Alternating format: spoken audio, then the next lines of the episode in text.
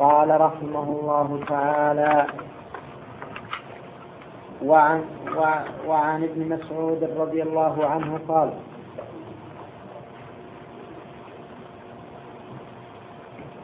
وعن عبد الله بن مسعود رضي الله عنه رضي الله عنه قال التفت إلينا رسول الله صلى الله عليه وسلم فقال إذا صلى أحدكم فليقول التحيات لله والصلوات والطيبات. السلام عليك أيها النبي ورحمة الله وبركاته. السلام علينا وعلى عباد الله الصالحين. أشهد أن لا إله إلا الله وحده لا شريك له وأشهد أن محمدا عبده ورسوله.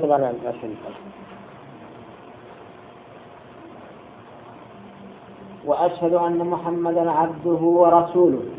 ثم ليتخير من الدعاء أعجبه إليه فيدعو متفق عليه واللفظ للبخاري وللنساء كنا نقول قبل أن يفرض علينا التشهد ولأحمد أن النبي صلى الله عليه وسلم علمه التشهد وأمره أن يعلمه الناس ولمسلم عن ابن عباس رضي الله عنه. بسم الله الرحمن الرحيم. تقدم الحديث على أول تقدم الكلام على أول هذا الحديث حديث ابن مسعود رضي الله عنه. أن النبي صلى الله عليه وسلم قال إذا صلى أحدكم فليقل. التحيات لله والصلوات والطيبات. السلام عليك أيها النبي ورحمة الله وبركاته.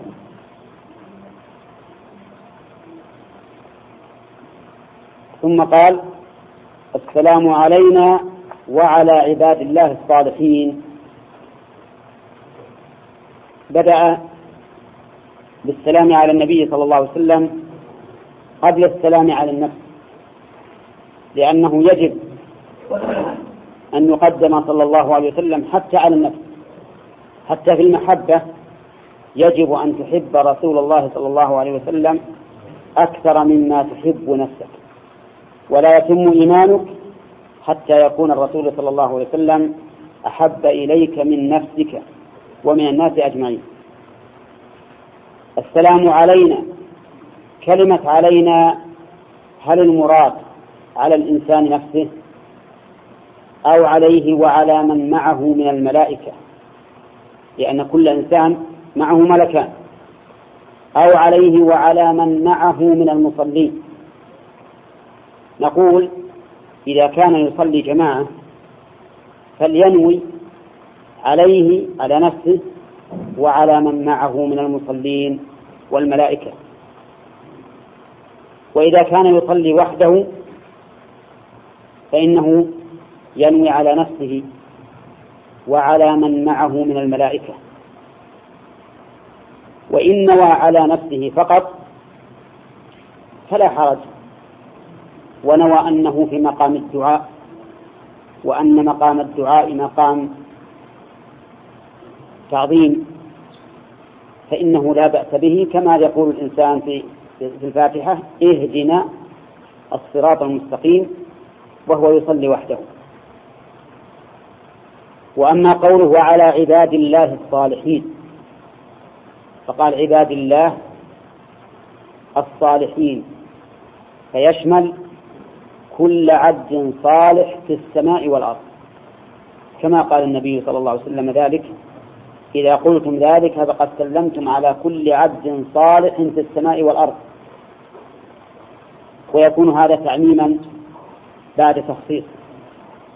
فيشمل عباد الله الصالحين من الملائكة. ويشمل عباد الله الصالحين عباد الله الصالحين من بني آدم السابقين واللاحقين. وهذه من أعم الكلمات. لأن النبي صلى الله عليه وسلم قال على كل عبد صالح في السماء والأرض. وفيها دليل ومتمسك لمن قال بصيغ العموم أنها دالة على جميع أفرادها وأن دلالتها على جميع الأفراد حقيقة وهو الصواب بلا شك. أشهد أن لا إله إلا الله وأشهد أن محمدا عبده ورسوله. ومعنى الصالحين؟ الصالحين قال العلماء هو الذي صلحت سريرته وعمله فأدى حق الله على عليه وحق العباد. سيكون الصالح كل من قام بحق الله وحق العباد ظاهرا وباطنا فهو من الصالحين.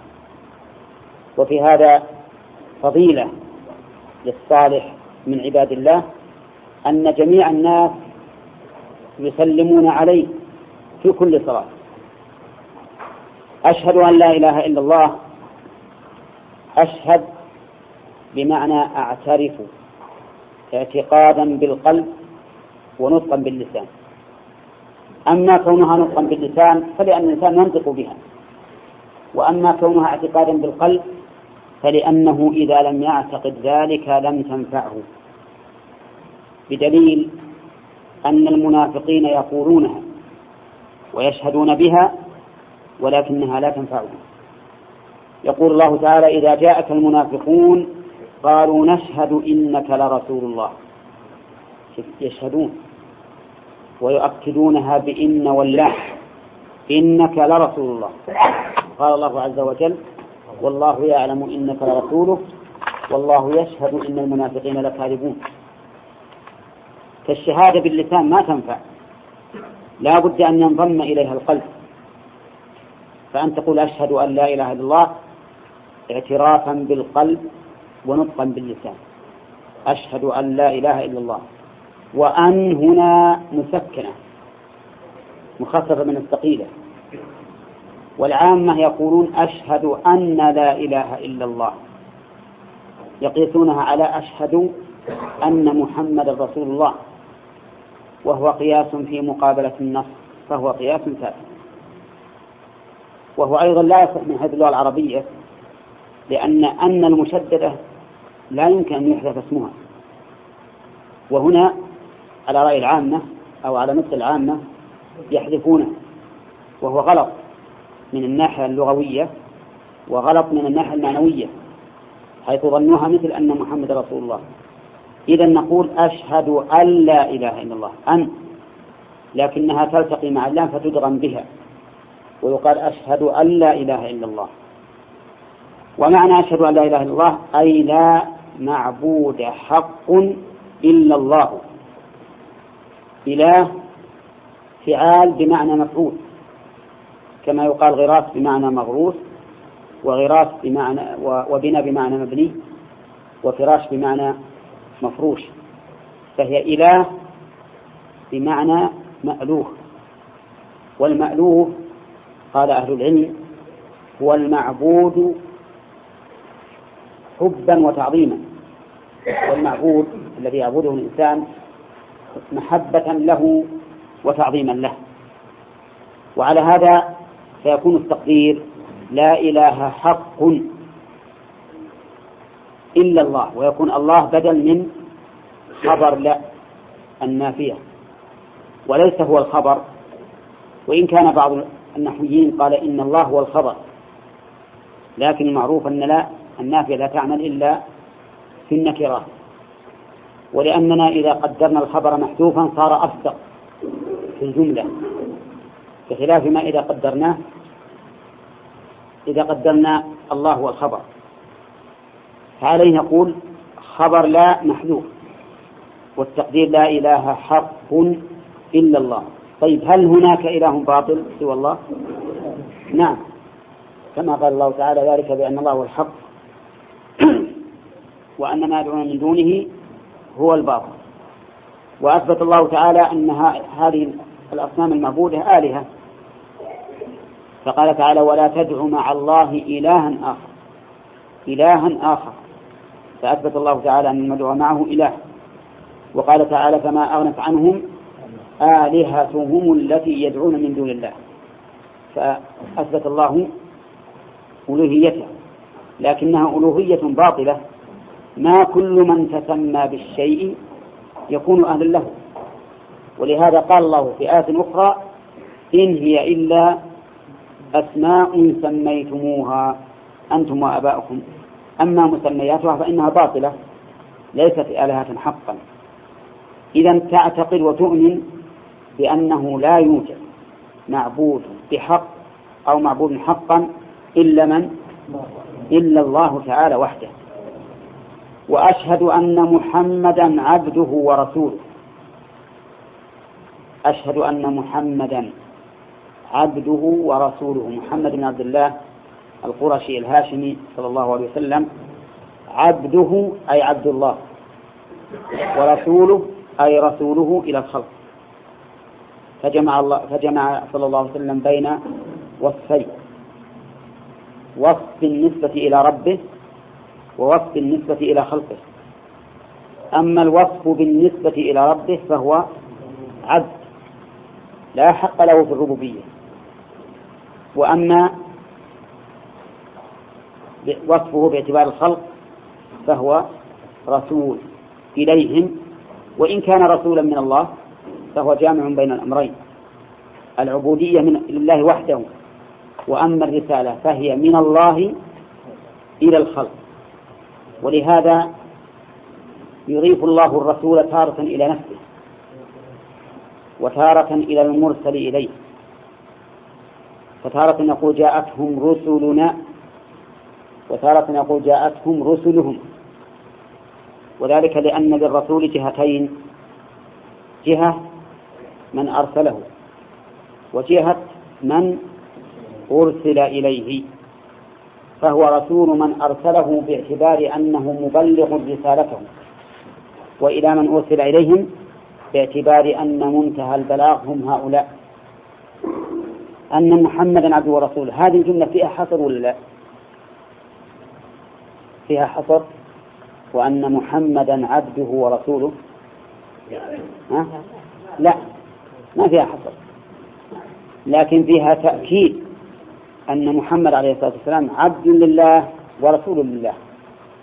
وقد شاركه غيره من عباد الله في العبودية والرسالة كما في الحديث الصحيح وأن عيسى عبد الله ورسوله. لكن بعد النبي عليه الصلاة والسلام لا رسول. ولا نبي. ولهذا قال الله تعالى ولكن رسول الله وخاتم النبيين. ولم يقل وخاتم الرسل مع أنه بالأول قال رسول الله. وكان مقتضى السياق أن يقول وخاتم الرسل لكن قال وخاتم النبيين. فلا نبوة ولا رسالة بعد النبي صلى الله عليه وسلم أبدا. فهو عبد الله ورسوله. إلى من؟ إلى الناس كافة. إلى الناس عموما. وهو على القول الراجح أيضا مرسل إلى الجن. وبعضهم حكاه إجماعا أنه مرسل إلى الجن. ولا شك أن الجن حضروا إلى النبي عليه الصلاة والسلام واستمعوا القرآن منه وولوا إلى قومهم منذرين. ثم قال أن محمدا عبده ورسوله وهذه الجملة كما قلت مؤكدة وهي ترد على طائفتين ضالتين. إحداهما من أعطت النبي صلى الله عليه وسلم شيئا من خصائص الربوبية. والثانية من كذبت الرسول عليه الصلاة والسلام. ففي قوله عبده إيش؟ رد على الطائفة الضالة الأولى. التي أعطت النبي عليه الصلاة والسلام حظا من الربوبية كقولهم إنه يعلم الغيب. وهم بذلك كفار. لأن الله تعالى قل قال قل لا يعلم من في السماوات والأرض الغيب إلا الله إلا من أطلعه الله عليه. على غيبه. ومن أطلعه الله على غيبه فعلمه بالغيب محدود. بماذا؟ بما علمه الله عز وجل. ولذلك قالت عائشة كما ثبت في صحيح البخاري من قال إن محمدا يعلم ما في غد فقد أعظم على الله الفرية. يعني الكذب. فالرسول صلى الله عليه وسلم ما يعلم من الغيب إلا ما أطلعه الله عليه. أيضا من الناس من يقول إن الرسول صلى الله عليه وسلم يدبر الكون والعياذ بالله. وأنه يستطيع أن ينفعك ويستطيع أن يضرك مع أن الله قال له قل لا أملك لنفسي نفعا ولا ضرا إلا ما شاء الله. وقال له قل إني لا أملك لكم ضرا ولا رشدا. أشد أبلى من ذلك قل إني لن يجيرني من الله أحد ولن أجد من دونه ملتحدا. يعني لو أرادني الله بشيء ما أحد يجيرني, يجيرني من الله. فكيف أنفع, أنفع غيري أما الطائفة الثانية الضالة فهي التي كذبت رسالته وتكذيب رسالة النبي عليه الصلاة والسلام أنواع كثيرة. منها أن يكذب أنه رسول. أصلا. مثل ما فعل قريش الذين كذبوا الرسول عليه الصلاة والسلام. وقالوا إن محمدا ساحر ومجنون كما قاله غيرهم من مكذب الرسل. كذلك ما أتى الذين من قبلهم من رسول إلا قالوا ساحر أو مجنون. هذه الكلمة كل الذين بعثت إليهم رسل يقولونها ومنهم من كذب عموم رسالته. فقال هو رسول صحيح لكن إلى العرب فقط. مثل اليهود والنصارى. قالوا إنه هو رسول لكل الخلق رسول إلى العرب.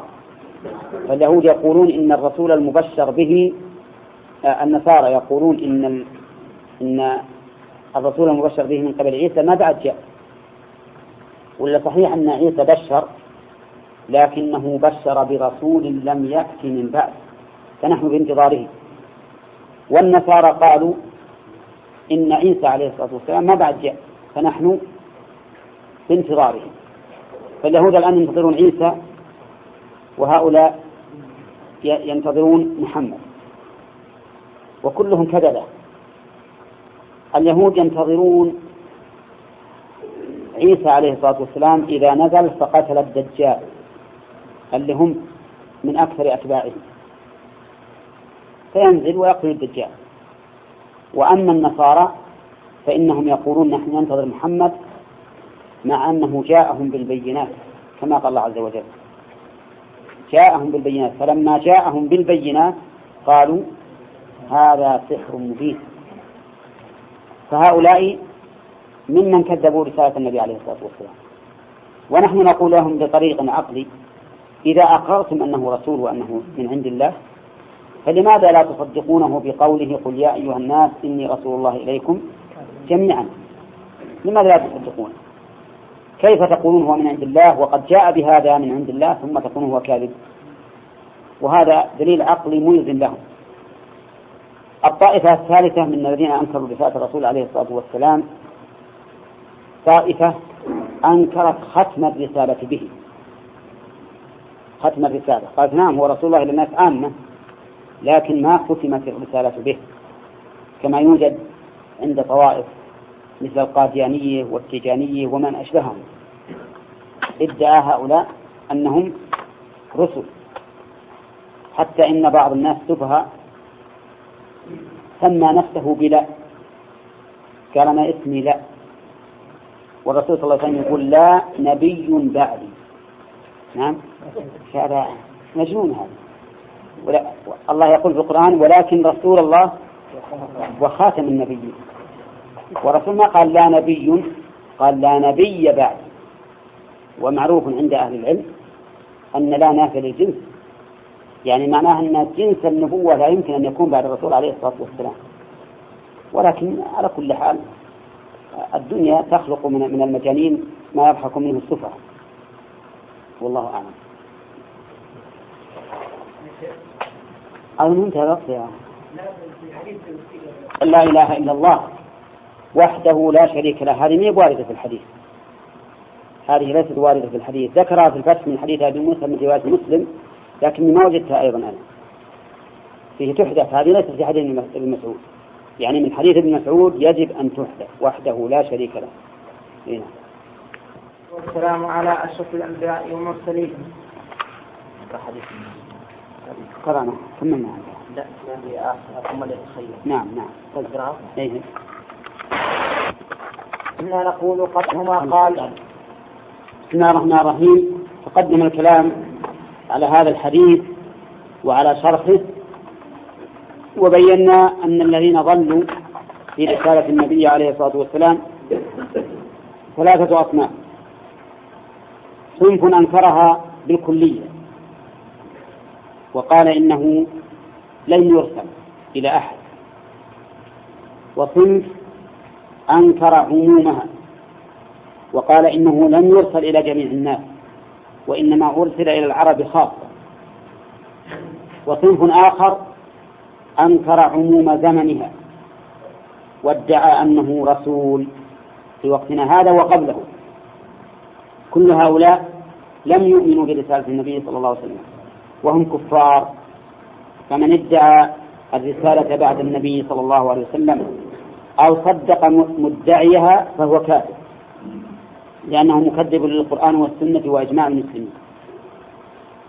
وقوله في الحديث كنا نقول قبل أن يفرض علينا التشهد دليل فيه دليل على أن التشهد فرض وأنه لا بد منه في الصلاة.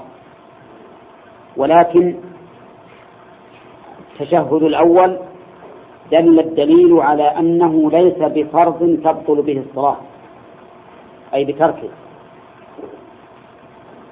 والدليل أن النبي صلى الله عليه وسلم سهى فنسي التشهد الأول. فلما أراد أن يسلم سجد سجدتين للسهو. فدل هذا على أن التشهد الأول فرض لكن يجبر بسجود السهو. وذهب بعض العلماء إلى أن التشهد الأول سنة. قالوا لأن النبي صلى الله عليه وسلم تركه وصحت صلاته. ولكن هذا ليس بصحيح. والصواب أن التشهد الأول فرض كالتشهد الثاني. ولكنه فرض يسقط بالنسيان ويجبر بسجود السهو. ولهذا قال الحنابلة رحمهم الله إنه من الواجبات وليس من الأركان. بخلاف التشهد الأخير فإنه ركن. وفي قوله أن الرسول عليه الصلاة والسلام علمه ابن مسعود وأمره أن يعلمه الناس. هذا أمر خاص بتعليم شريعة خاصة.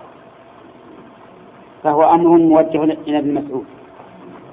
أن يبلغ شريعة خاصة وهي هذا التشهد.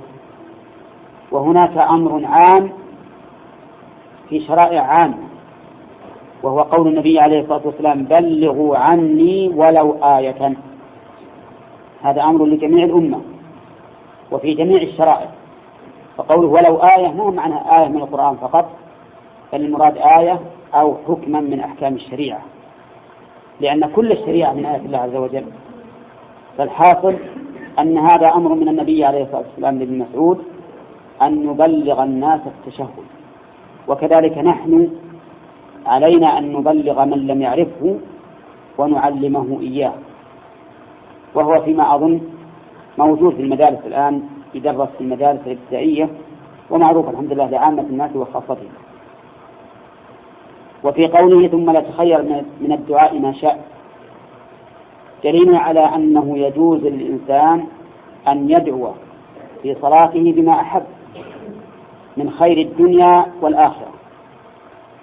والمدعو به ثلاثة أقسام. قسم خاص بالدنيا وقسم خاص بالآخرة وقسم عام. أما الخاص بالآخرة والعام فهو جائز جائز بالنص والإجماع. فأنت تقول ربنا آتنا في الدنيا حسنة وفي الآخرة حسنة وقنا عذاب النار. تقولها في الصلاة وهو جائز. وكذلك تقول اللهم اغفر لي وهذا من خصائص من دعاء الآخرة. وأما إذا سألت الله دعاء خاصا بالدنيا فقط فقد اختلف العلماء في جوازه. فمنهم من قال إن الصلاة تبطل به. فإذا قلت اللهم ارزقني دارا واسعة أو سيارة فخمة أو ما أشبه ذلك قالوا إن الصلاة تبطل لأن هذا من الدنيا من خصائص الدنيا. ولكن هذا قول ضعيف لأن لأن النبي صلى الله عليه وسلم قال في حديث ابن مسعود ثم ليتخير من الدعاء ما شاء ولم يخصص ثم إن الدعاء بما يتعلق بأمور الدنيا عبادة ما هو ليس ككلام الآدميين. حتى نقول إن الصلاة تبطل به. فأنت إذا دعوت ربك ولو في شيء من أمور الدنيا فإنه عبادة.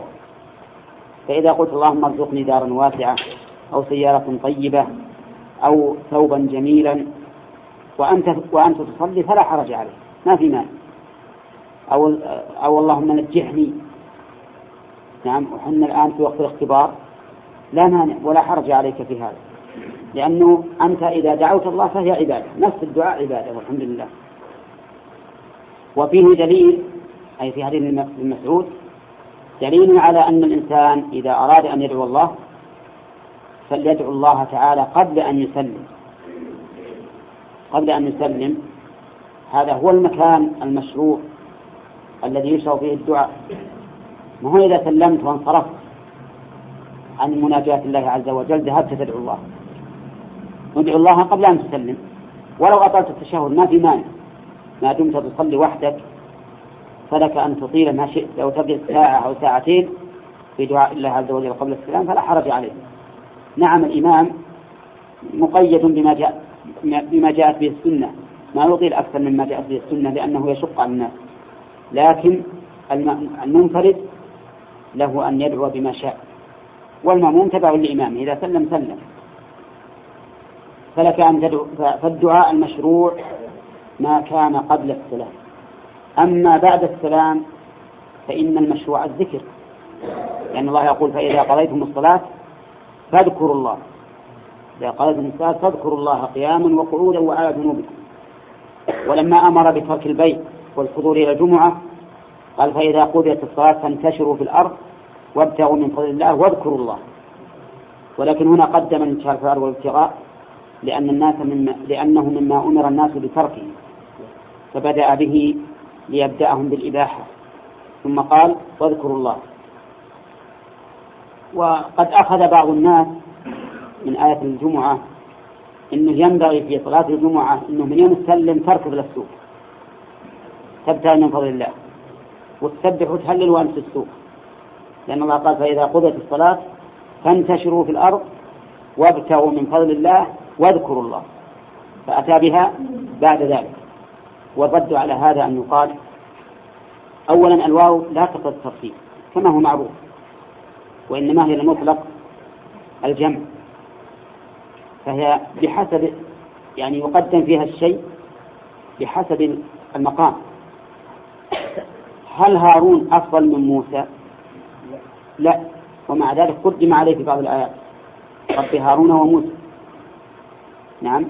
فكذلك أيضا هنا إنما بدأ بابتغاء الرزق قبل الذكر لأنه أصلا منع الناس منه. منعهم الله منه قبل الصلاة إذا نودي الصلاة ففعل إلى ذكر الله وذروا البيت فأراد الله تعالى أن يمن على عباده بإباحة هذا الشيء من حين ما يصلون. كأن المقصود رفع النهي فبدأ به لأنه في هذا المقام أهم ولا يمنع أن يقال إذا كنت ممن لا يتكسب فاذكر الله وإذا كنت ممن يتكسب فلك الحق بأن تقوم وتذكر الله في أثناء مشيك ولا حرج عليك أما أن نقول هذا هو المشروع وهو الأفضل ولا ولا تجد تذكر الله فهذا ليس بصحيح. اعتاد بعض الناس الآن اعتاد بعض الناس عندنا هنا أنهم إذا صلوا السنة قبل الصلاة أو بعدها جعلوا يدعون الله عز وجل. وهذا ليس بسنة. واتخاذه سنة راتبة من البدع. نعم لو فعله الإنسان أحيانا ما نقول هذا حرام لكن كونك من يوم كل ما تسلمت ترفع يديك تدعو هذا ما ورد عن الرسول عليه الصلاة والسلام ولا عن الصحابة. ولو كان من الأمور المشروعة لكان الله يبينه على لسان رسوله صلى الله عليه وسلم. وأيضا هو كما قال ابن القيم وشيخ الإسلام الدعاء في الصلاة أفضل من الدعاء بعد الصلاة. لأنك في الصلاة تنادي ربك أما بعد الصلاة فقد انصرفت. فإذا كنت تحب الدعاء في النافلة فادعو قبل أن تسلم. والعجب أن بعض العامة النش إذا اعتيد عليه واستمر الناس عليه من بعض العامة إذا أقيمت الصلاة وهو تو مسلم تلقاه يقول كذا بيديه يرفعهم ويمسح وجهه؟ على طول وهو ما يعني تجزم أو يغلب على ظنك أنه ما دعا. بس لأن هذا شيء عادي عندهم أنهم يرفعون يديهم بعد كل نافلة. وهذا ليس من الأمور المشروعة. واتخاذه سنة راتبة. كلما تستمنت رفعت يديك هذا بدعة. يقال لمن فعله هد لي. أن الرسول صلى الله عليه وسلم كان كلما تنفل رفع يديه. فالرسول عليه الصلاة والسلام كان يتنفل في بيته في صلاة الليل. ويصلي ركعتين ويصلي رواتب في بيته ولا نقل أحد من الناس أنه كلما صلى النفل رفع يديه يده. ولو كان هذا من شريعة الله لبينه الله عز وجل. العالمين والصلاة والسلام على أشرف الأنبياء والمرسلين. قال رحمه الله تعالى ولمسلم عن ابن عباس قال كان رسول الله صلى الله عليه وسلم يعلم يعلمنا التشهد التحيات المباركات الصلوات الطيبات لله إلى آخره. بسم الله الرحمن الرحيم. تقدم لنا ذكر التشهد الذي كان النبي صلى الله عليه وسلم يعلمه ابن مسعود وأمره أن يعلمه الناس وهو التحيات لله والصلوات والطيبات. السلام عليك أيها النبي ورحمة الله وبركاته. السلام علينا وعلى عباد الله الصالحين. أشهد أن لا إله إلا الله وأشهد أن محمدا عبده ورسوله. وفيه صفة أخرى حديث ابن عباس رضي الله عنه أن النبي صلى الله عليه وسلم علمه التشهد التحيات المباركات الصلوات الطيبات لله. التحيات المباركات الصلوات الطيبات لله. وهذه تختلف في هذه الجمل عن حديث ابن مسعود. فأيهما نختار؟ اختار بعض العلماء تشهد ابن مسعود. وقال لأنه ثابت في الصحيحين فهو أقوى من حديث ابن عباس الثابت في مسلم. ولأنه فيه عطف لهذه الجمل تحيات لله. والصلوات والطيبات. أما هذا فليس فيه عطف. والعطف يقتضي المغايرة فيكون حديث ابن مسعود دالا على معنى أكثر من حديث ابن ابن عباس. ولهذا رجحوا حديث ابن مسعود رضي الله عنه.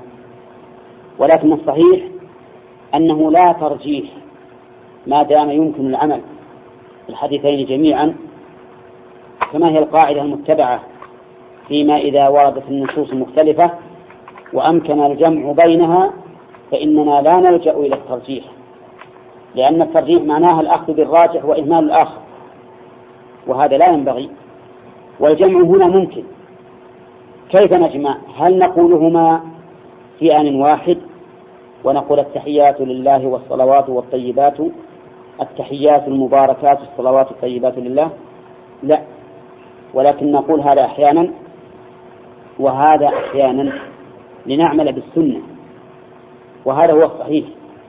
أنه ينبغي للإنسان أن يتشهد بما دل عليه حديث ابن مسعود أحيانا. وأحيانا بما دل عليه حديث ابن عباس حتى يأتي بالسنة على وجهيها. وفي هذا أيضا فائدة إذا تشهد بهما جميعا وهو حفظ السنة. ولذلك الذين يستمرون على حديث ابن مسعود. لو تسألهم عن حديث ابن عباس ما يعرفونه. فإذا عمل بالنصين جميعا صار في ذلك حفظ للسنة. وقد سبق لنا فائدة إتيان بعض العبادات على وجوه متنوعة. وقلنا من فائدتها أن تنوع الذكر يكون أبلغ في الثناء على الله. لأنه يكون في هذا الذكر ما ليس في الثاني. وقلنا أيضا من فوائده أن الإنسان يستحضر ما يقول. لأنه إذا ذكر الله في هذا الذكر في هذه المرة ثم ذكره في الذكر الآخر في المرة الثانية صار قلبه حاضرا. أما إذا لزم ذكرا واحدا فصار كما يقولون كالآلة الأوتوماتيكية يستقر هذا على العادة. بخلاف ما إذا جعل نفسه تتطلع مرة إلى هذا ومرة إلى هذا صار عنده استحضار أكثر. الفائدة الثالثة أن هذا أيسر على المكلف فيما إذا كانت الأنواع بعضها أيسر من بعض. فإن هذا قد يكون في بعض الأحيان ما يناسبه إلا الأسهل والأيسر. مثال ذلك أذكار الصلوات مثلا. الذكر خلف الصلوات فيه عدة وجوه. منها أن تذكر الله فتقول سبحان الله والحمد لله ولا إله إلا الله والله أكبر كل أربع تذكرها خمس وعشرين مرة. يكون مجموع المجموع مئة. ومنها أن تقول سبحان الله سبحان الله سبحان الله سبحان الله ثلاثة وثلاثين. الحمد لله الحمد لله الحمد لله ثلاثة وثلاثين. الله أكبر الله أكبر ثلاثة وثلاثين. أربعة وثلاثين. تقولها أربعة وثلاثين فيجتمع مئة. ومنها أن تقول سبحان الله والحمد لله والله أكبر ثلاثة وثلاثين وتمام المئة. لا إله إلا الله وحده لا شريك له له الملك وله الحمد وهو على كل شيء قدير. فيجتمع منها مئة. ومنها أن تقول سبحان الله سبحان الله سبحان الله عشر مرات والحمد لله عشر مرات والله أكبر عشر مرات. وهذا يجتمع منها كم؟ ثلاثون. إذا هذا أيسر. ربما في بعض الحالات يكون هذا أنسب لك لكونك مشغولا أو ما أشبه ذلك. فالمهم أن من جملة فوائد إتيان العبادات على وجوه متنوعة أنه قد يكون في ذلك تيسير على المكلف. وهذه القاعدة هي التي مشى عليها الشيخ الإسلام ابن تيمية رحمه الله وكثير من أهل العلم أن العبادات الواردة على وجوه متنوعة ينبغي للإنسان أن يعمل بها كلها. كل واحدة في في أن في أن آخر. ومن ذلك أيضا وهو مع الأسف ما نعمل به من ذلك القراءات الواردة في القرآن. فإنه ينبغي للإنسان أن يتعلمها وأن يقرأ بها أحيانا بهذه القراءة وأحيانا بهذه القراءة. لأن الكل وارد عن الرسول عليه الصلاة والسلام وثابت عنه. فإذا لزمنا قراءة قارئ واحد أغفلنا بقية القراءات. وإذا فهمنا القراءات كلها كلها وقرأنا بها ما استطعنا كان هذا أحسن وأوفق وأشد في اتباع السنة حتى لا نلزم طريقة واحدة. فالقراءات المعروفة السبع ينبغي لطالب العلم أن يتعلمها ولا سيما الصغير لأنه إذا تعلمها من صغره ما ينساها. الكبير قد يتعلمها لكن ينسى ما كان لا يعرفه من قبل. لكن الصغير يسهل عليه أن يتعلم القراءات فيحسن أنه يتبع القراءات الثابتة قراءة السبع ويقرأ أحيانا بهذا وأحيانا بهذا. لكن لا يقرأه عند العامة لأنه إذا قرأه عند العامة صار في ذلك فتنة. فإن العامة إذا قرأ عليهم قارئ في كتاب الله ما لا يعرفون أنكروا عليه إنكارا شديدا. ثم إذا صح ما قاله صار في قلوبهم شيء من من القرآن. فلهذا القراءات لا ينبغي أن تقرأ عند العامة لما في ذلك من الفتنة. وهذا من أحد الأسباب التي أودت أو التي جعلت أمير المؤمنين عثمان رضي الله عنه يوحد المصاحف على مصحف واحد. فإن الناس بدأوا يختلفون في القراءات وحصل بذلك فتنة. فرأى رضي الله عنه بتوفيق الله له وللأمة والحمد لله أن يجمع الناس على مصحف واحد على لغة قريش وهذا المصحف الواحد متضمن لقراءة السبع ما تخرج عنه.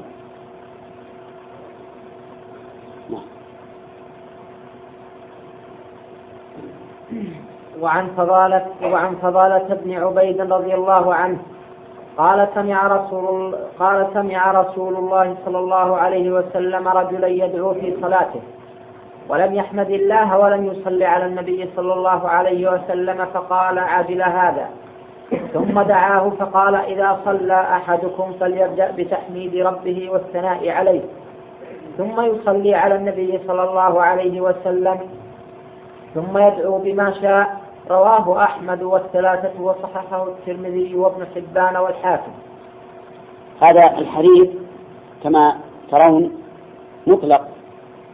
ما بين أو مجمل.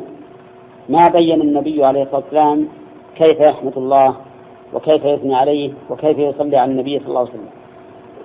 فيمكن أن يفسر بالتشهد لأن التشهد أوله ثناء على الله. ثم سلام على النبي صلى الله عليه وسلم وعلى عباد الله الصالحين. ثم صلاة على النبي صلى الله عليه وسلم. ثم بعد ذلك يدعو الإنسان. فيحمل هذا الحديث الذي أجمل فيه الرسول عليه الصلاة والسلام حمد الله والثناء عليه والصلاة على رسوله صلى الله عليه وسلم. يحمل على التشهد وأنه ينبغي للإنسان في تشهده أن يبدأ بالتشهد ثم بالسلام على النبي صلى الله عليه وسلم ثم على عباد الله الصالحين ثم الصلاة على النبي صلى الله عليه وسلم والتبريك ثم يدعو والأفضل في هذا المقام وفي غيره أن يتخير الإنسان من الأدعية ما وردت به السنة قبل كل شيء حتى وإن لم يكن من الدعاء الواجب فإنه ينبغي أن يختاره قبل كل شيء. ثم بعد هذا يدعو بما شاء. هذا هو الأفضل. ولا تقل كما قال بعض الناس لا تدعو إلا بما جاءت به السنة ولا تزد عليه فإن هذا خطأ.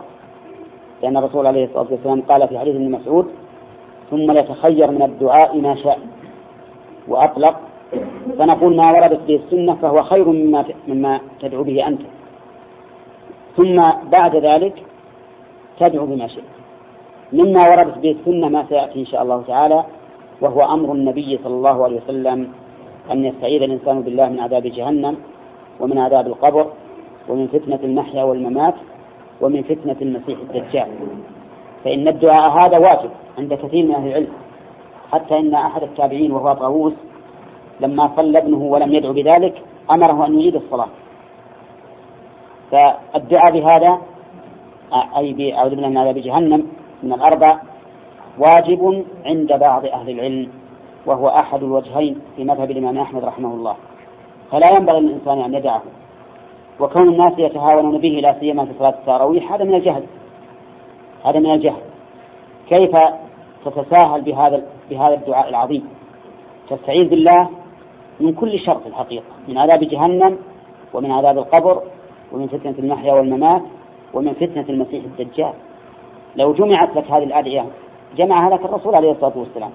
ما تتحصل هذه الأدعية الجامعة النافعة التي أمرت أن تدعو الله بها في التشهد الأخير كما قال النبي عليه الصلاة والسلام.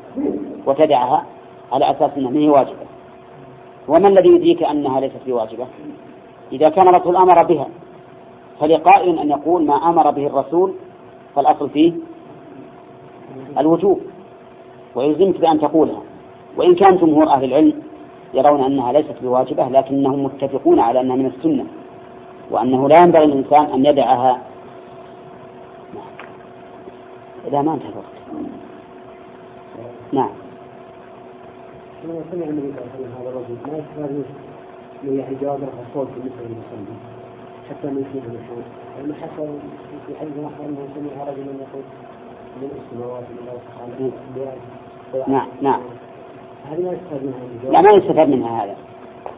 لأن هذا الظاهر هذا الظاهر قد يكون من بعض بعض الناس كما نسمع إحنا أحيانا من بعض المأمومين يرفع صوته لكن الرسول ثبت عنه أنه نهى عن الجهر في حال القراءة. فقد خرج على أصحابه وهم يصلون فقال كلكم يناجي ربه فلا يجهر بعضكم على بعض في القرآن أو قال في القراءة. فيكون هذا الذي حصل حصل من بعض الناس مثل ما يحصل أحيانا نبرة من الإنسان يرفع صوته بذلك.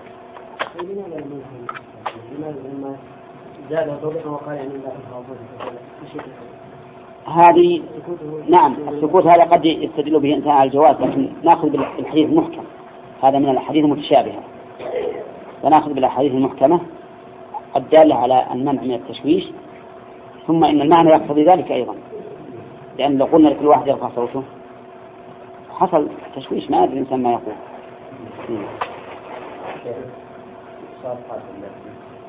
نعم. إذا خلع الإنسان بعد المسح على قلت ما ما ما ما تنتقض الطهارة نعم. لماذا لا يلبسون بعد نعم. أي نعم. هذا السؤال مبني على ما جاء في الخطبة في يوم الجمعة. قلنا الرجل إذا تطهر ومسح على خفيه أو على جوابيه. ثم خلعهما فإنها لا تنتقض طهارته بل يبقى على طهارته حتى يوجد ناقض يظن بعض الناس أنه لو أعادهما فله أن يمسح في المستقبل لأنه أعادهما على طهارة. أعادهما على طهارة. ولكن هذا ليس بوارد. وذلك لأن الإنسان إذا خلع الممسوح ما يمكن يعيده إلا بعد طهارة قدمه. لقول النبي صلى الله عليه وسلم فإني أدخلتهما طاهرتين. فلا بد أن تدخل الرجلان طاهرتين بالماء.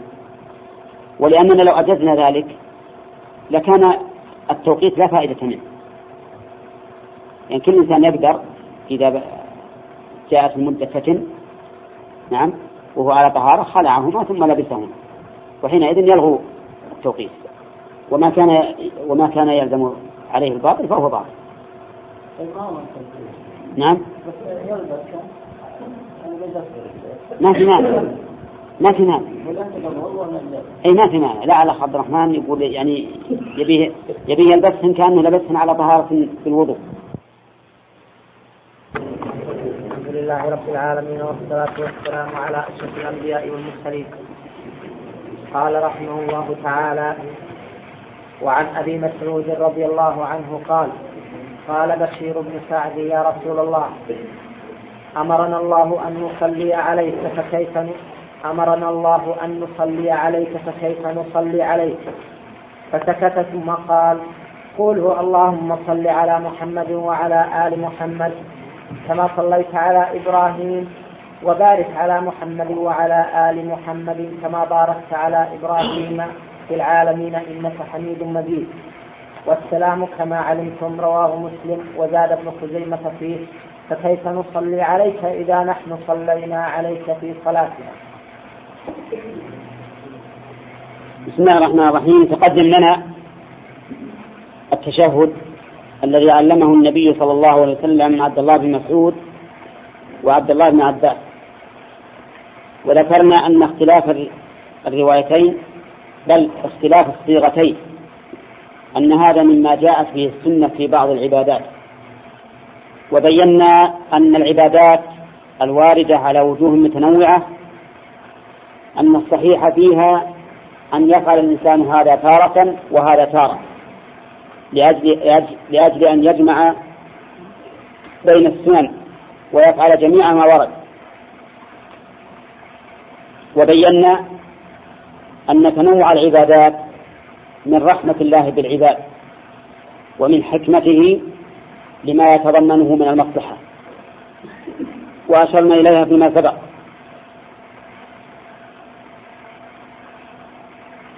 فالصلاة على النبي صلى الله عليه وسلم بعد التسليم عليه. أمر الله تعالى بها في القرآن فقال يا أيها إن الله وملائكته يصلون على النبي يا أيها الذين آمنوا صلوا عليه وسلموا تسليما فأمر الله تعالى بالصلاة عليه والسلام. السلام علمه النبي عليه الصلاة والسلام أصحابه. السلام عليك أيها النبي ورحمة الله وبركاته. أما الصلاة فلم يعلمهم. ولكن إذا صلى الإنسان على أي صيغة كانت حصل بذلك الامتثال. لأن ما طلبه بشير بن سعد رضي الله عنه ليس كطلب اليهود صفة البقرة التي أمروا أن يذبحوها فقالوا ما هي ما هي ما هي. وإنما أراد أن رضي الله عنه أراد أن يتبين له الكمال. وإلا فإنه يعرف وكل عالم باللسان العربي يعرف بأن المطلق يكتفى فيه بأي صيغة كانت. فلو أن الإنسان قال اللهم صل على محمد لكان قد امتثل قول الله تعالى يا أيها الذين آمنوا صلوا عليه. ولكن بشير رضي الله عنه أراد الكمال. كما أن قوله وسلموا تسليما لو قال السلام على رسول الله كفى. ولكن الرسول عليه الصلاة والسلام علمهم صفة أكمل. السلام عليك أيها النبي ورحمة الله وبركاته. فكأن بشير رضي الله عنه أراد أن يتعلم من النبي صلى الله عليه وسلم الصيغة الكاملة. فقال قولوا اللهم صل على محمد وعلى آل محمد كما صليت على إبراهيم. اللهم بارك على محمد وعلى آل محمد كما باركت على إبراهيم في العالمين. قولها اللهم صل على محمد. اختلف العلماء في معنى الصلاة على النبي صلى الله عليه وسلم فقال بعضهم إن الصلاة من الله الرحمة ومن الملائكة الاستغفار ومن الآدميين الدعاء ولكن هذا لا دليل عليه بل إن الدليل على خلاف لأن الله قال في القرآن أولئك عليهم صلوات من ربهم ورحمة. فدل ذلك على أن الصلاة غير الرحمة. وهنا أضافها الله إلى نفسه صلوات عليهم صلوات من ربهم ورحمة. فدل هذا على أن الصلاة من الله ليست هي الرحمة. إذ لو كان كذلك لكان الله تعالى عطف الشيء على نفسه وهذا خلاف بلاغة القرآن. فما هي الصلاة من الله؟ أحسن ما قيل في ذلك ما قاله أبو العالي رحمه الله بأن الصلاة من الله على عبده ثناؤه عليه في الملأ الأعلى. أن الله تعالى يذكره بالصفات الحميدة في الملأ الأعلى من الملائكة عليهم الصلاة والسلام. الذين يحملون العرش ومن حوله هؤلاء هم الملأ هم الملأ الأعلى. فيثني الله على عبده محمد عليه الصلاة والسلام بأن يصفه بصفات كثيرة صفات المحامد التي يستحقها صلى الله عليه وسلم. وأما صلاتنا نحن فإذا قلنا اللهم صل على محمد فإننا ندعو الله أن يثني عليه. ندعو الله أن يثني عليه في الملأ الأعلى. وكذلك الملائكة. فإن دعاء الملائكة بالصلاة على الإنسان معناه أنها تسأل الله أن يثني عليه في الملأ الأعلى. كما جاء في الحديث الصحيح في منتظر الصلاة الملائكة تصلي عليه ما دام في مصلاه. تقول اللهم صل عليه اللهم اغفر له اللهم ارحمه. وهذا أيضا مما يدل على أن الصلاة غير الرحمة بل هي أبلغ. والحاصل أن معنى قولك اللهم صل على محمد يعني اللهم أثن عليه في الملأ الأعلى أي اذكره بصفات الكمال في الملأ الأعلى. وهذا من رفع الذكر له صلى الله عليه وسلم. الذي أخبر الله به في قوله ورفعنا لك ذكرك إذا كان كذلك فقد ثبت عن النبي صلى الله عليه وسلم أن فيما أوحاه الله إليه أن من صلى عليه مرة واحدة صلى الله عليه بها عشرة. فأنت إذا قلت اللهم صل على محمد تسأل الله أن يثني عليه مرة فإن الله يثني عليك عشر مرات. ولهذا ينبغي الإكثار من الصلاة على النبي صلى الله عليه وسلم لا سيما في يوم الجمعة. فإن الرسول أمر بأن نكثر عليه في هذا اليوم من الصلاة. اللهم صل على محمد وعلى آل محمد. على محمد. من اللي قال قولوا اللهم صل على محمد؟ محمد عليه الصلاة والسلام. وهو أعلم الناس بما يستحق من الأوصاف. وهو أيضا أنصح الناس للأمة بما يعلمها من الصفات الكاملة والصيغ المحبوبة إلى الله وإلى رسوله.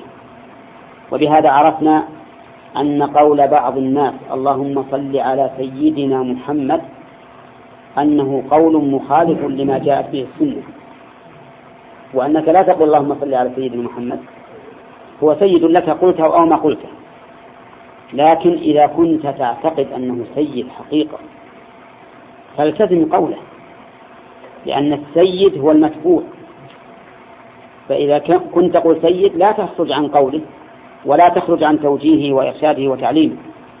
وهو ما قال لأمتي قول اللهم صل على سيدنا قال قول اللهم صل على محمد. وأنت إذا كنت تعتقد أنه سيدك حقيقة فإن السيد لا بد أن يكون مطاعا. لا تخرج عما قال لك. اللهم صل على محمد. ومحمد اسمه وله أسماء أخرى. منها أحمد. وقد ذكر الله هذين الاثنين في القرآن. فقال محمد رسول الله والذين معه. وقال وما محمد إلا رسول قد خلت من قبله الرسل. وقال في عن عيسى عليه الصلاة والسلام أنه قال لبني إسرائيل ومبشرا برسول يأتي من بعد اسمه أحمد. وتأمل الحكمة في إخبار عيسى بأنه أحمد دون محمد لأن أحمد اسم تفضيل مبني من اسم الفاعل واسم المفعول فهو حامد محمود ليتبين بذلك فضله في بني إسرائيل لأن أحمد اسم تفضيل والصحيح أنه مأخوذ من المبني الفاعل والمبني المفعول.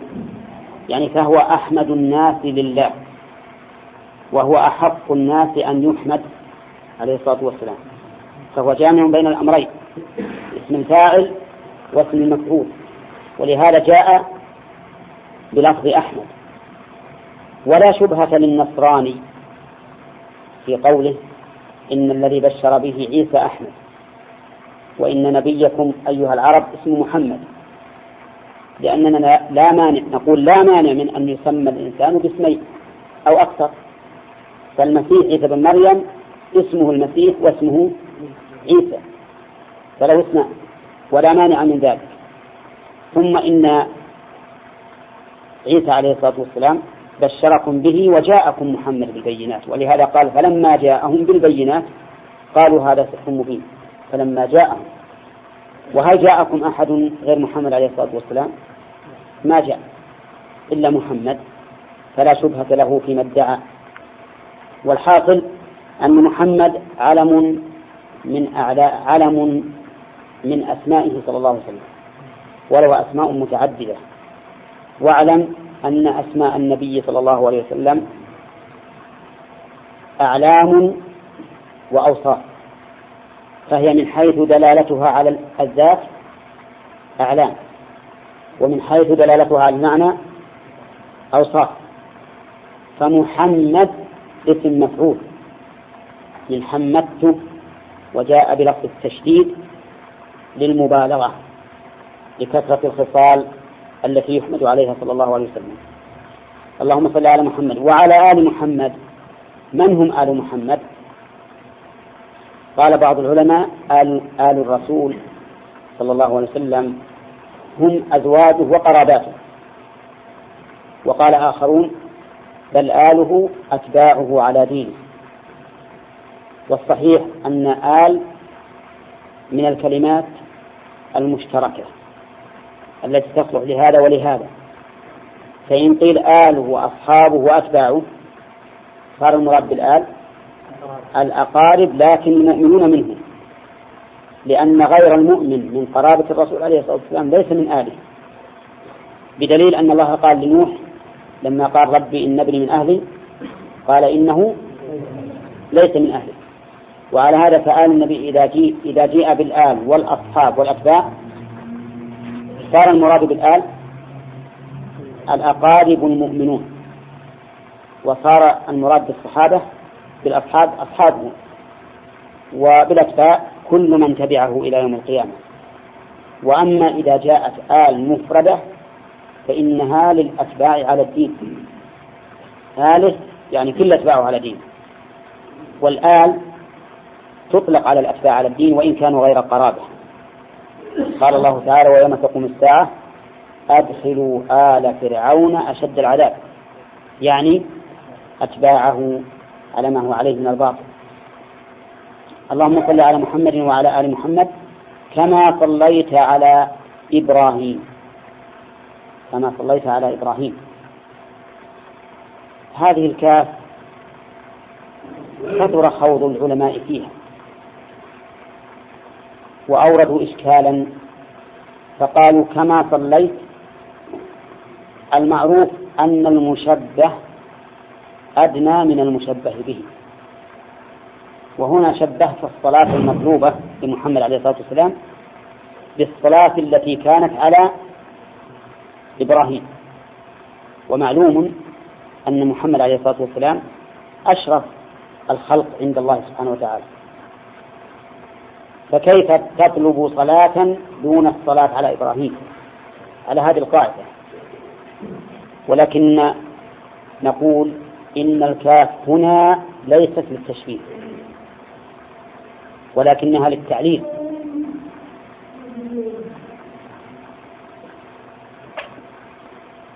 ولكنها للتعليل. التعليل يعني اللهم صل على محمد لأنك صليت على إبراهيم. وهذا كقوله تعالى واذكروه كما هداكم يعني لأنه هداكم. لأنه هداكم. وإذا كانت التعليل صارت الفائدة منها التوسل التوسل إلى الله عز وجل بإنعامه السابق إلى إنعامه اللاحق. يعني فكما أن هذه عادتك عادتك وكرمك وإحسانك وقد صليت على إبراهيم فإننا نسألك أن تصلي على محمد صلى الله عليه وسلم. وقول إبراهيم هو أبو الأنبياء وهو مع نوح هما اللذان جعلت في ذريتهم في ذريتهما النبوة والكتاب. كما قال تعالى ولقد أرسلنا نوحا وإبراهيم وجعلنا في ذريتهما النبوة والكتاب. وبهذا نعرف بأن من قال إن إدريس قبل نوح فإن قوله كذب خطأ. لأن الله جعل قال وجعلنا في ذريتهما النبوة والكتاب. وقال إنا إنا أوحينا إليك كما أوحينا إلى نوح والنبيين من بعده. فلا نبي قبل نوح. وقوله كما صليت على إبراهيم إبراهيم صلى الله عليه وسلم هو أبو الأنبياء وهو الذي أمرنا باتباع ملته لأن ملته الحنيفية عليه الصلاة والسلام. ثم أوحينا إليك أن اتبع ملة إبراهيم حنيفا وما كان من المشركين. إبراهيم عليه الصلاة والسلام من أشد الناس صبرا على أقدار الله. صبر على أمر يتعجب الإنسان من قوة صبره عليه. كان له ابن وحيد فريد. أتاه على كبر ولم يكن له ولد غيره. ومن المعلوم بطبيعة البشر أن الإنسان يحب ولده ولا سيما إذا كان فريده ولا سيما إذا كان أتاه على كبر. فلما بلغ معه السعي لم يكن في حالة طفولة لا يلتفت إليه ولم يكن في حال كبر قد انعزل عنه وفارقه بل كان في أشد حال يتعلق بها الوالد بولده. قد بلغ معه السعي وصار يمشي معه. أمره الله تعالى بأن يذبحه يذبح ابنه. سبحان الله العظيم. إن هذا له البلاء العظيم. له البلاء المبين. أمره الله أن يذبحه فعرض ذلك على الإبن امتحانا له. امتحان الإبن لا استشارة له أو أخذا برأيه لكن ليمتحنه. قال إني أرى في المنام أني أذبحك فانظر ماذا ترى. كان جواب الإبن سديدا عظيما. قال يا أبت افعل ما تؤمر. الله أكبر. هذا الصلاح من فضلك. أن يكون ابنك عونا لك على طاعة ربك ومع ذلك من الذي سيفقد الحياة؟ ها؟ هذا الابن فقدم طاعة الله على فقد حياته. قال افعل ما تؤمر. سبحان أيضا ما قال افعل ما رأيت افعل ما تؤمر. إشارة إلى أن هذا الأمر لا بد أن يطاع. ستجدني إن شاء الله من الصابرين. شوف الأمر ما قال إن شاء الله. افعل ما تؤمر. لكن فيما يتعلق بفعل نفسه قال ستجدني إن شاء الله من الصابرين. وفعلا صبر. فلما أسلما يعني استسلم لأمر الله إسلاما تاما كاملا وتله للجبين أي على الجبين. وإنما تله على الجبين وتله أيضا ليس بالرفق الكامل لأجل أن لا يعجز عن كبح نفسه في امتناعه من ذبحه. خلى جبينه إلى الأرض حتى لا يشاهد وجهه عند ذبحه. لما أسلم وتله للجبين أتى الفرج من رب العالمين جل وعلا. ولهذا حدث الجواب حدث الجواب ليذهب الذهن في تقديره كل مذهب. كل ما يمكن أن تقدره جوابا فهو صالح. إذا كان السياق يساعد عليه. لما أسلم وتله للجبين وناديناه أي يا إبراهيم. وقول من قال من المعربين إن الواو هنا زائدة غلط. ولكنها عاطفة على شيء محذوف هو جواب الشر. قد صدقت الرؤيا. إنا كذلك نزل المحسنين. صدق الرؤيا لأنه فعل كل الأسباب. كل الأسباب التي أراد ما بقي إلا أن يذبحها قد صدقت الرؤيا إنا كذلك نزل المحسنين. وقول ما ما جاء و وقول من قال بناء على ما جاء في الإسرائيليات إنه وضع السكين على رقبته وانقلبت وما أشبه ذلك. كل هذا كذب. لأنه لم لم يذكر في القرآن. ولأنه لو كان الأمر كذلك لعرف أن المسألة امتحان وامتهان. لكن جاء الفرج من الله عز وجل قد صدقت الرؤيا إنا كذلك نجزي المحسنين. إن هذا لهو البلاء إيش؟ المبين. يعني البلاء الاختبار المظهر لصدق المختبر. ولهذا مبين هنا بمعنى مظهر. قال الله تعالى وفديناه بذبح إلى آخره بذبح عظيم إلى آخره. ولهذا سمي إبراهيم عليه الصلاة والسلام خليل الرحمن. كما قال الله تعالى واتخذ الله إبراهيم خليلا. وكما اتخذ الله إبراهيم خليلا اتخذ النبي صلى الله عليه وسلم خليلا. كما ثبت ذلك في الحديث الصحيح عن النبي صلى الله عليه وسلم أنه قال إن الله قد اتخذني خليلا كما اتخذ إبراهيم خليلا. وبهذا نعرف أن ما يوجد في بعض الصيغ صيغ على الرسول عليه الصلاة والسلام أن إبراهيم خليل الرحمن ومحمد حبيب الرحمن. إن هذا غلط. هذا غلط عظيم. وفيه تنقص للرسول عليه الصلاة والسلام عظيم. لماذا؟ لأن الخليل أشرف من الحبيب. الحبيب كل مؤمن حبيب الله. إن الله يحب التوابين ويحب المتطهرين. والله يحب المؤمنين وما أشبه ذلك. لكن الخلة لا. ما نعلم أن أحدا خليلا خليل لله إلا محمد وإبراهيم. هذا اللي نعلم. وعلى هذا فالذي يقول محمد حبيب الله وإبراهيم خليل الله غلطان. بل محمد خليل الله وإبراهيم خليل الله. والخليل أشرف وأعظم مرتبة من الحبيب اللهم وفق على أشرف الأنبياء والمرسلين. قال رحمه الله تعالى وعن أبي مسعود رضي الله عنه قال قال بشير بن سعد بشير بن سعد يا رسول الله أمرنا الله أن نصلي عليك فكيف نصلي عليك؟ فسكت ثم قال قولوا اللهم صل على محمد وعلى آل محمد. كما صليت على إبراهيم وبارك على محمد وعلى آل محمد كما باركت على إبراهيم في العالمين إنك حميد مجيد. والسلام كما علمتم رواه مسلم. وزاد ابن خزيمة فيه فكيف نصلي عليك إذا نحن صلينا عليك في صلاتنا؟ بسم الله الرحمن الرحيم. تقدم الكلام على أول هذا الحديث وأنه إحدى صفات الصلاة النبي الصلاة على النبي صلى الله عليه وسلم.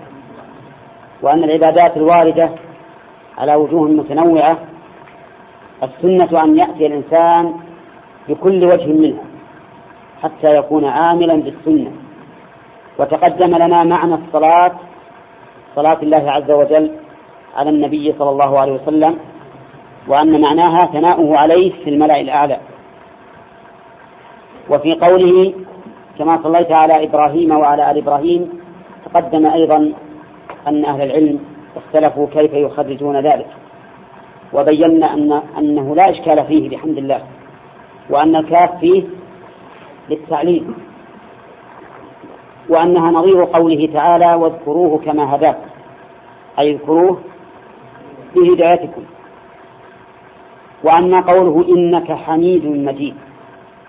بعد أن سأل الله الصلاة على النبي والبركة قال إنك حميد مجيد. فالحميد فعيل بمعنى فاعل وبمعنى مفعول. فحميد بمعنى فاعل أي حامد. فالله عز وجل حامد لكل من يرحمك الله لكل من يستحق الحمد من عباده. ولذلك يثني على من يستحق الحمد من الأنبياء والصالحين فهو فاعل أي فاعل للحمد ومنه سميع بمعنى سامع وبصير بمعنى مبصر ويحتمل أن يكون حميد بمعنى محمود فإن الله سبحانه وتعالى محمود على كل حال وهو محمود أيضا على نعمه السابغة الكثيرة وإذا كان اللفظ محتملا للمعنيين ولا تناقض بينهما فإن الصحيح أنه شامل لهما وهذا ما يعرف عند العلماء بالمشترك. فإذا كان اللفظ المشترك صالحا للمعنيين بدون تناقض ولا تنافر فإن الأولى حمله على المعنيين جميعا ما لم يوجد دليل على أن المراد أحدهما. وقوله وبارك على محمد وعلى آل محمد البركة كثرة الخير واستقرار الخير. ومنه سميت البركة لكثرة ما فيها من الماء وقراره. فمعنى البركة أن تسأل الله عز وجل أن ينزل الخير الكثير على محمد صلى الله عليه وسلم وكذلك على آل محمد صلى الله عليه وسلم بأن يجعل فيهم الخير الكثير الدائم من علم نافع وعمل صالح ومصالح في الدنيا والآخرة. وبهذا عرفنا أن هذه الصلاة التي علمها النبي عليه الصلاة والسلام أمته هي أفضل ما يكون من صيغ الصلاة وأن تلك الصيغة التي ابتدعها من ابتدعها من الناس كلها عند هذه الصيغة لا تساوي شيئا. ونحن نحث جميع من أرادوا الصيغ المفضلة في الدعاء والذكر والصلاة على النبي صلى الله عليه وسلم وغيرها نحثهم على أن يلتزموا بما جاء به الشرع فإنه خير من كل ما أحدث. وكثير مما أحدث تجده طويلا مسجعا قليل البركة وقليل النفع وعن أبي هريرة رضي الله عنه قال قال رسول الله صلى الله عليه وسلم إذا تشهد أحدكم فليستعذ بالله من أربع. يقول اللهم إني أعوذ بك من عذاب جهنم ومن عذاب القبر ومن فتنة المحيا والممات ومن فتنة المسيح الدجال متفق عليه وفي رواية لمسلم إذا فرغ أحدكم من التشهد الأخير. هذا الحديث حديث أبي هريرة أمر فيه النبي عليه الصلاة والسلام أمته إذا تشهدوا أن يتعوذوا بالله من أربع. ولكن هذا في التشهد الأخير كما تقيده رواية مسلم لأن التشهد الأول ينبغي تخفيفه وعدم الإطالة فيه لكن في التشهد الأخير تدعو بما شئت ولكنك لا تختار دعاء خيرا مما أرشد إليه النبي صلى الله عليه وسلم وهو الاستعاذة من هؤلاء الأربع. وقول عليه الصلاة والسلام فليستعذ اللام فيها للأمر. والأصل في الأمر الوجوب ولهذا ذهب طائفة من أهل العلم إلى أنه يجب على الإنسان أن يستعيذ بالله من هذه الأربع في كل صلاة حتى إن بعضهم قال إن وجوبها أوكد من وجوب الصلاة على النبي صلى الله عليه وسلم التي ذهب كثير من أهل العلم إلى أنها ركن. وأمر طاووس وهو أحد التابعين أمر ابنه لما لم يتعود من هذه الأربع أمره أن يعيد الصلاة. وهذا يدل على أنه يراها واجبة أو ركنا. وعلى هذا فلا ينبغي الإنسان أن يخل بها. لسببين. السبب الأول أمر النبي عليه الصلاة والسلام. السبب الثاني ما تشتمل عليه من وقاية هذه الأمور العظيمة. هذه الأمور العظيمة ما هي هينة. اللهم إني أعوذ بك من عذاب جهنم وجهنم هي النار نعوذ بالله منها. وسميت بذلك لأنها مجهمة مظلمة والعياذ بالله. ما فيها خير ولا نور وقعرها بعيد. حتى إن الرسول عليه الصلاة والسلام كان مع أصحابه ذات يوم فسمع وجبة يعني صوت شيء وقع. فقال أتدرون ما هذا؟ قالوا الله ورسوله أعلم. قال هذا حجر رمي به في النار منذ سبعين سنة يهوي فيها فهو الآن في قعرها والعياذ بالله. سبعين سنة حجر يهوي ما وصل إلى قعرها نسأل الله أن يعيذنا وإياكم منها أعوذ بالله من عذاب جهنم. وعذاب جهنم عذاب لا يتصور ولا له نظير ولا يمكن أن يبلغه الخيال والعياذ بالله. لأنه عذاب دائم مستمر لا يفتر عنهم وهم فيه مبلسون. حتى إنهم يقولون يا مالك ليقضي علينا ربك يتمنون الهلاك ولكن لا يحصل لهم. حتى إنهم يقولون لخزنة جهنم ادعوا ربكم يخفف عنا يوما من العذاب. يخفف ولم ولم يقولوا يرفع. يوما ولم يقولوا دائما. ما سألوا التخفيف دائما لأنه مو حاصل عارفين آيسين من هذا والعياذ بالله. ولا سألوا الرفع ولا ساعة من النهار. لأنهم عارفين لأنهم قد علموا أن ذلك لا يمكن. وأيضا هم ليس عندهم من الجرأة ما يدعون الله. قالوا لخزنة جهنم ادعوا ربكم أما هم والعياذ بالله فإنهم أذلوا في نفوسهم من أن يدعوا الله عز وجل. ولعل هذا والله أعلم يكون بعد أن يقول لهم الرب عز وجل اخسأوا فيها ولا تكلمون. هذا العذاب عذاب لا يتصور. يموتون من العطش فإذا استغاثوا وبعد أن يلحق بهم العطش ما يلحق يغاثوا بماء كالمهل يشوي الوجوه. المهل الرصاص المذاب والعياذ بالله. أو أشد من ذلك يشوي الوجوه قبل أن يصل إليها. ثم إذا شربوه والعياذ بالله يقول الله عز وجل سقوا ماء حميما فقطع أمعاءهم. كالمهل يغلي في البطون كغلي الحميم. شوفوا والعياذ بالله وهو في في بطونهم يغلي مثل ما يغلي الحميم الماء الحار على النار.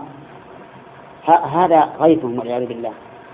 ومع ذلك تحترق جلودهم وكلما نضجت يقول الله عز وجل بدلناهم جلودا غيرها لا لتخفيف الألم عنهم وتطيب وتبرأ ولكن ليذوقوا العذاب.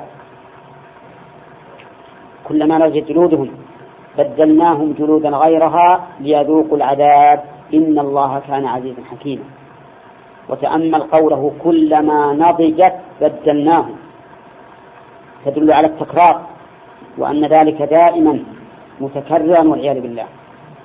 هذا العذاب العظيم الذي ما نحيط بوصفه فضلا عن تصور حقيقته. هذا العذاب العظيم جدير بكل مؤمن. أن يسأل الله عز وجل أن يعيده منه في كل صلاة. ما أعظمها من فائدة أن يعيدك الله تعالى من هذا من هذا العذاب. ولهذا القول بوجوب الاستعاذة من هذه الأربع قول قوي جدا. قول قوي جدا فلا ينبغي الإنسان أن يخل به. أما قوله هو من عذاب القبر ففيه إثبات عذاب القبر. وأن عذاب القبر كائن لا محالة. وهو كذلك. وقد دل عليه الكتاب والسنة وإجماع أهل السنة. أما الكتاب فإن الله تعالى يقول في آل فرعون النار يعرضون عليها غدوا وعشيا. ويوم تقوم الساعة أدخلوا آل فرعون أشد العذاب. وفي قراءة ادخلوا آل فرعون أشد العذاب. وفي قول غدوا وعشيا ويوم تقوم الساعة دليل على أن هذا العرض يكون قبل قيام الساعة. وكذلك أيضا قوله تعالى ولو ترى إذ الظالمون في غمرات الموت والملائكة باسطوا أيديهم أخرجوا أنفسكم. أخرجوها. وكأنهم يشحون بأنفسهم أن تخرج لأنها, لأنها تبشر بالعذاب والعياذ بالله. فتتفرق ترجع تتفرق في الجسم فينزعونها نزعا شديدا. كما ينزع السفود من الصوف المبلول والعياذ بالله. أخرجوا أنفسكم اليوم تجزون عذاب الهون. اليوم وأل هذه للعهد الحضوري كما هو معروف في علم النحو. اليوم تجزون عذاب الهون بما كنتم تقولون على الله غير الحق وكنتم عن آياته تستكبرون. وكقوله تعالى ولو ترى إذ يتوفى الملائكة ولو ترى يتوفى الذين كفروا الملائكة يضربون وجوههم وأدبارهم. وذوقوا عذاب الحريق في آيات أخرى شاهد قوله يضربون وجوههم وأدبارهم. هذه آيات عظيمة تدل على ثبوت عذاب القبر. أما الأحاديث فكثيرة تكاد تبلغ حد التواتر. فمنها حديث ابن عباس رضي الله عنهما أن النبي صلى الله عليه وسلم مر بقبرين. فقال إنهما ليعذبان. وما يعذبان في كبير؟ يعني ما يعذبان في أمر شاق عليهما. ولهذا جاء في رواية في الصحيح بلى إنه كبير. فهما لا يعذبان في كبير أي في أمر عظيم يشق عليهما تركه ولكنه كبير من جهة الذنوب. أما أحدهما فكان لا يستبرئ من البول. ما يتنزه من البول ولا يبالي إذا أصاب ثوبه أو أصاب بدنه أو قام بدون استنجاء أو استجمار شرعي ما يهتم به. وأما الآخر فكان يمشي بالنميمة ينم بين الناس يجي لفلان يقول ترى فلان يقول فيك ويقول فيك ويقول فيك ويجي للثاني ويقول كذلك وهكذا. فيفسد بين الناس والعياذ بالله بنميمته. وقد قال النبي عليه الصلاة والسلام لا يدخل الجنة نمام. استنبط بعض العلماء من هذا الحديث حديث ابن عباس. قال إذا كان الإنسان يعذب في قبره لأنه لا يستنزه من البول الذي الاستنزاه منه شرط للصلاة فما بالك بمن يترك الصلاة؟ يكون عذابه أشد وأعظم. لأن هذا الذي أخل بالاستنزاه من البول ترك شرطا من شروط الصلاة فقط. كيف هذا اللي يدع الصلاة بالكلية؟ يكون أشد. ولهذا الذي يدع الصلاة بالكلية أنا لا أشك بأنه كافر أكثر من اليهود والنصارى. يعني لو كان بيننا في بيوتنا يهود ونصارى ما رضينا بذلك. لكن الذين لا يصلون لا مع الجماعة ولا في بيوتهم أكثر من اليهود والنصارى. لأنهم مرتدون. لا تحل ذبائحهم ولا تحل لهم نساؤهم ولا يدفنون مع المسلمين. ولا يغسلون ولا يدخلون مكة وحرمها لأنهم مرتدون. لا يجوز أن يبقوا لحظة في الدنيا إلا بقدر ما يستتابون ثلاثة أيام على القول بالاستتابة. ثم إذا لم يصلوا يقتلون. ولا يقتلون حدا لأن الحد يطهر يطهر المحدود. ويوجب أن يكون المحدود مسلما يدفع مع المسلمين ويصلى عليه. لكنهم يقتلون كفرا فيخرج بهم إلى أماكن يرمسون فيها رمسا لأنهم ما لهم حرمة والعياذ بالله. إذا حشروا يوم القيامة يحشرون مع فرعون وهامان وقارون وأبي بن خلف. رؤساء الكفرة والعياذ بالله. فأنا لا أشك بأن من ترك الصلاة تركا مطلقا أنه كافر. خارج عن الإسلام والعياذ بالله. والأدلة عندنا في ذلك من الكتاب والسنة وأقوال السلف ظاهرة وقد سقناها عدة مرات. حتى إن عبد الله بن شقيق وهو من التابعين يقول كان أصحاب النبي صلى الله عليه وسلم لا يرون شيئا من الأعمال تركه كفر غير الصلاة. وهذا نقل للإجماع. وقد نقل الإجماع غيره أيضا من علماء المسلمين على أن الصحابة مجمعون على كفر تارك الصلاة. ولهذا أنا أعجب من من بعض الناس الذين يستنكرون هذا القول ويقولون إن الإمام أحمد انفرد به. والحقيقة أن استنكارهم إياه لعدم التأمل الجيد في الأدلة. وإلا لو تأملوا الأدلة تأملا جيدا لوجدوا أن الأدلة من كتاب الله وسنة رسوله صلى الله عليه وسلم. وأقوال الصحابة والنظر الصحيح كلها متطابقة على أن تارك الصلاة كافر كفرا مخرجا عن الملة. وأن انفراد الإمام أحمد رحمه الله بذلك يعتبر من مناقبه ومن دلالة فهمه لكتاب الله وسنة رسوله صلى الله عليه وسلم وأقوال الصحابة وتعظيمه للآثار الواردة. ونحن لا نقدح في أحد من أهل العلم الذين يقولون بخلاف ذلك لأن هذه مسألة اجتهادية ولكننا نعيب على من عاب على من يقول ذلك. كمن يلمز أو يشير بكلامه إلى لم الإمام أحمد رحمه الله لانفراده بذلك ولكنه لا شك أن من تأمل الكتاب والسنة وأقوال السلف والمعاني الصحيحة خاليا من الاعتقاد والتمذهب لا شك أنه يتبين له أن القول الراجح المتعين القول به هو القول بكفر تارك الصلاة. كفرا مطلقا مخرجا عن الملة والعياذ بالله. ومن ومما ينبغي للمستدل كل مستدل ينبغي له أن يستدل قبل أن يعتقد حتى يكون اعتقاده مبنيا على الاستدلال سواء كان هذا الاعتقاد من في الأمور العلمية أو في الأمور الحكمية. يعني حتى الحكم لا تحكم على شيء إلا بعد أن تبنيه على كتاب الله وسنة رسوله صلى الله عليه وسلم. أما إذا اعتقدت ثم أردت أن تبني الأدلة على الاعتقاد فهذا خطر عظيم. ولذلك تجد بعض الناس الذي يعتقد أولا ثم يريد أن يستدل. تجد أحيانا يحاول أن يرد الأدلة إلى كان إلى ما كان يعتقده. إما بتأويل أو بتعميم أو بتخصيص حسب ما يكون موافقا لما يذهب إليه. وهذه مسألة خطيرة جدا بالنسبة لطالب العلم.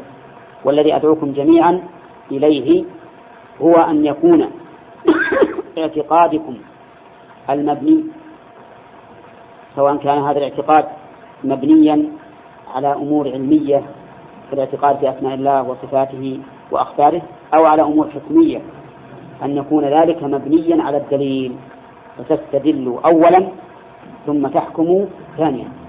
هذا بقدر المستطاع. قد لا يستطيع الإنسان أن قد لا يستطيع الإنسان أن يصل إلى إلى الحق بالدليل. إما لأنه ليس عنده الآلة الكافية للاستدلال لأنه ما عنده علم. وإما أن المسألة تأتيه في حالة لا لا يتمكن من البحث والاستدلال والمناقشة. سيكون في هذه الحال مضطرا إلى التقليد. ولهذا قال الإمام أحمد قال شيخ الإسلام ابن تيمية رحمه الله كلمة جيدة. قال إن التقليد بمنزلة أكل الميتة. إذا لم تجد طعاما فكله. لا يحل إلا للضرورة. لأن الله يقول فاسألوا أهل الذكر شرط هو إن كنتم لا تعلمون. أما من أمكنه أن يعلم فإنه لا يجوز له أن يقلد. لكن كما قلت لكم قد لا يستطيع الإنسان ولا يتمكن أن يصل إلى الدليل إما لكون المسألة فورية ولا يتمكن وإما لكونه غير أهل للبحث والنظر في أدلة أهل العلم وحينئذ يكون فرضه التقليد. ويكون قد اتقى الله ما استطاع. لكن مع ذلك طالب العلم أقول لنفسي ولكم طالب العلم حتى لو أنه اضطر في بعض الأحيان إلى التقليد لعدم التمكن من الاستدلال فلا يدع المسألة بل يبحث ويجتهد حتى يفتح الله عليه. ثم إما أن يكون الأمر يتضح له بأنه على صواب أو أنه على خطأ. فإن كان على صواب فليحمد الله وليستمر وإن كان على خطأ فليستعتب وليرجع إلى الصواب. والله موفق على إبراهيم زيادة على إبراهيم. ثابتة حديث الصلاة على نعم ثابت ثابت. في البخاري. نعم.